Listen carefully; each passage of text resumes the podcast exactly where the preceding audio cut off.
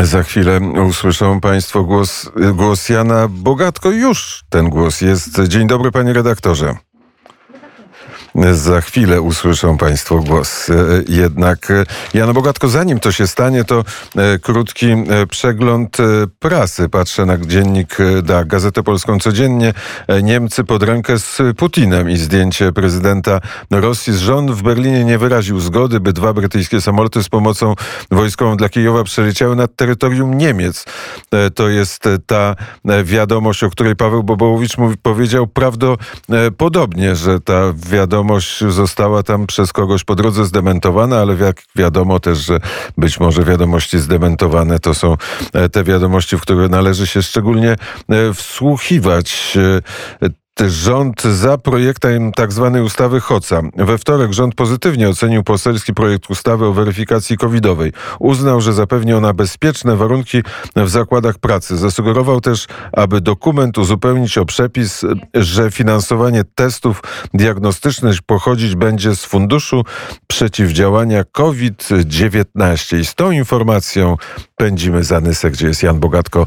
Panie redaktorze, uszanowanie. Dzień dobry, dzień dobry panu, dzień dobry państwu. Wszystko dobre, co się dobrze kończy. Również nasza rozmowa dochodzi do skutku tak. 112 tysięcy przypadków nowych zachorowań na COVID-19 w Niemczech. To jest rekord, o tym się mówi. To jest y, wiadomość dnia. I druga z tym połączona, że 12 tysięcy postępowań wszczęto przeciwko okazicielom fałszywych y, dowodów szczepień w Niemczech. Głównie w Bawarii prawie 8 tysięcy. To jest olbrzymia, olbrzymia liczba. Prokurator ma co robić, policja ma co robić, bezrobocia nie będzie. Nie będzie bezrobocia także w polityce zagranicznej. Y, Niemiecki resort y, y, spraw zagranicznych pracuje na mm, zwiększonych obrotach. No w końcu ma parę tematów do rozwiązania i jeden orzech do zgryzienia. Tym orzechem jest polityka Moskwy wobec Ukrainy i mm, polityka mm, Moskwy wobec Niemiec. A przecież Niemcom bardzo zależy na tym, aby stosunki z Kremlem były bardzo, bardzo poprawne. Wszystkie, bez wyjątku, partie polityczne w Niemczech są prorosyjskie i prorosyjskimi były. Na przykład koło konserwatystów CDU e, wspomina byłą kanclerz Angelę Merkel jako enerdowską polityk w Berlinie, a więc stosunki Niemiec e, z Rosją powinny być zawsze, powinny być zawsze poprawne. O tym się zwracało uwagę już w dawnych czasach. To już od początku, kiedy Willy Brandt przyjechał do Warszawy i y, zainicjował tam swoją nową politykę wschodnią, y, po prostu stawiano, stawiano na, na Moskwę. To jest rzecz y, może dla nas y, dziwna, ale y, Niemcom bardzo zależało na poprawnych stosunkach z Moskwą, nie tylko od, y, nie tylko w czasach y, paktu Ribbentrop-Mołotow, ale także i, także i nieco później. Berbok udała się do Ławrowa, czyli jak y, się mówi tutaj do jaskini lwa, żeby porozmawiać z lwem w tej jaskini, no może zupełnie nie z lwem, tylko z lwiątkiem, bo jednak za lwa uchodzi, uchodzi y, Putin. Berbok pojawiła się y, w Moskwie i nie skompromitowała się, zakładają, y, zakładają niemieccy korespondenci, ponieważ udało jej się wyjść cało z tych rozmów z Ławrowem bez, bez, żadnej, bez żadnej kompromitacji. Udało jej się to przebyć, przeżyć tę wizytę. Nie było takie trudne. Pamiętam z tego czasu, kiedy pracowałem dla rządu niemieckiego, jak odbywały się rozmowy y, na szczeblu y, resortu spraw zagranicznych y, w Bonn. A wówczas, a y, innymi resortami spraw zagranicznych, głównie z resortem spraw zagranicznych w Polsce. Otóż Niemcy mieli taki zwyczaj, bardzo mądry zresztą i y, godny wszelkiego y, poparcia, że spotykali się co chwilę, przerywali rozmowy, spotykali się w odrębnym gabinecie i wspólnie z udziałem doradców opracowywali dalsze kroki. Dlatego też te delegacje niemieckie były zawsze bardzo duże na spotkania dyplomatyczne. Tam siedzieli eksperci, oni po prostu trenowali tego biednego szefa dyplomacji, co on ma powiedzieć, jak ma się uśmiechnąć, w którą stronę ma zwrócić się, jak ma upozycjonować się względem kamery telewizyjnej i tak dalej.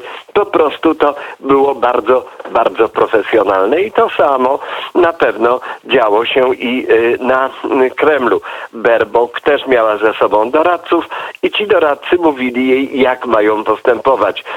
To oczywiście nie oznacza, że ona nie miałaby prawa powiedzieć czegoś od siebie, ale wystrzegaj się Pana Boga, jeśli powiedziałaby nie to, czego od niej oczekiwano. Bo tutaj powołanie się na przykład na to przez Berbok, że jej zależy na dobrych stosunkach z Rosją w tym sensie, że e, Rosja ucierpiała w czasie II wojny światowej, to jest dość zabawne, bo to różnie można interpretować, że ma zobowiązania wobec Rosji, bo to można byłoby również powiedzieć, że może to są zobowiązania wynikające z... No dobrze, daruję ten temat, bo znowu mi powiedzą, że jestem bardzo, bardzo antyrosyjski i to mi e, zaciemnia moją perspektywę. Pani Berbok oczywiście chce pomóc Ukrainie, ale nie może, jak mówi, albo może pomóc Ukrainie, ale nie chce. W każdym razie nie zgodzi się na eksport broni y, na Ukrainę i to jest y, oczywiście bardzo bolesna sprawa dla, dla y, Ukrainy, bo Ukraina tę broń by chciała, ona jest na tę Ukrainę zdana, ona by chciała aby po prostu mogła się bronić przed Rosją w razie konfliktu, do którego może dojść. A przecież Niemcy żyją ze sprzedaży broni, można powiedzieć. I sprzedają tę broń także do państw kontrowersyjnych, jak na przykład do Egiptu. W ciągu ostatnich kilku lat y, wpływy z tytułu eksportu broni w Niemczech y, przyniosły Niemcom 22 miliardy euro. To jest bardzo, bardzo dużo. No owszem, większość nabywców jest w państwach NATO i to jest w pełni zrozumiałe, że państwa NATO mogą kupować broń bez ograniczeń, gdzie jak chcą. I to jest ciekawostka też, bo do tych państw NATO, które kupują broń w Niemczech należą Węgry, które również są chłopcem do bicia, więc tutaj jest bardzo, bardzo ciekawe, skąd to się bierze i dlaczego, że właśnie, że właśnie Węgry, ale to nie jest, to nie jest ten temat. Y, W każdym razie y, stosunki y, niemiecko-rosyjskie są trudne. Trudne są w sytuacji aktualnej koalicji rządzącej, w której główną siłą sprawczą tej koalicji jest SPD, a SPD, jak już mówiłem, od czasu Willy Brandta jest zdecydowanie prorosyjskie i to bez względu na to, czy jest to Rosja sowiecka, czy jest to Rosja putinowska, jelcynowska, czy jakakolwiek inna, to nie ma znaczenia. Rosja jest sąsiadem Niemiec. Niemcy mówią bardzo często, aczkolwiek inni się pytają, a gdzie przebiega wspólna granica, a inni mogą powiedzieć, no proszę sobie wyobrazić, no i wtedy zaczyna się dyskusja na temat Ukrainy, Białorusi, Rosji, Polski, Niemiec i, i tak dalej.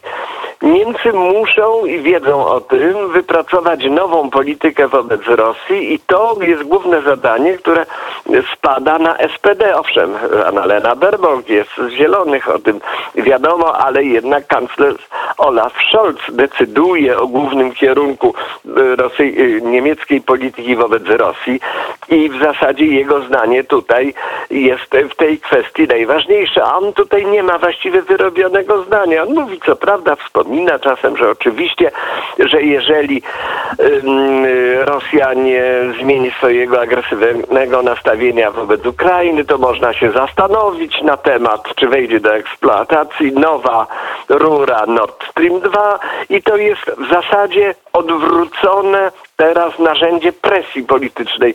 Do tej pory uważano, że Nord Stream 2 to będzie y, urząd, to jest narzędzie presji ze strony Rosji pod względem Unii Europejskiej. Jak nie, to my wam zamkniemy, a teraz jest, okazuje się to również y, narzędziem presji ze strony Niemiec w konflikcie Rosja-Ukraina, bowiem Niemcy mówią, jeżeli, jeżeli nie uspokoicie się w relacjach z Ukrainą, to my nie zgodzimy się na przyjęcie rury do eksploatacji. Czy do tego dojdzie? To jest innego rodzaju historia. Do tej pory Olaf Scholz uważa, że Nord Stream 2 to jest prywatny projekt ekonomiczny, który z polityką nie ma nic wspólnego, ale na żartach to się, proszę Państwa, również niemieccy dziennikarze znają. I to wszystko, co chciałem Państwu przekazać w tej korespondencji z Niemiec.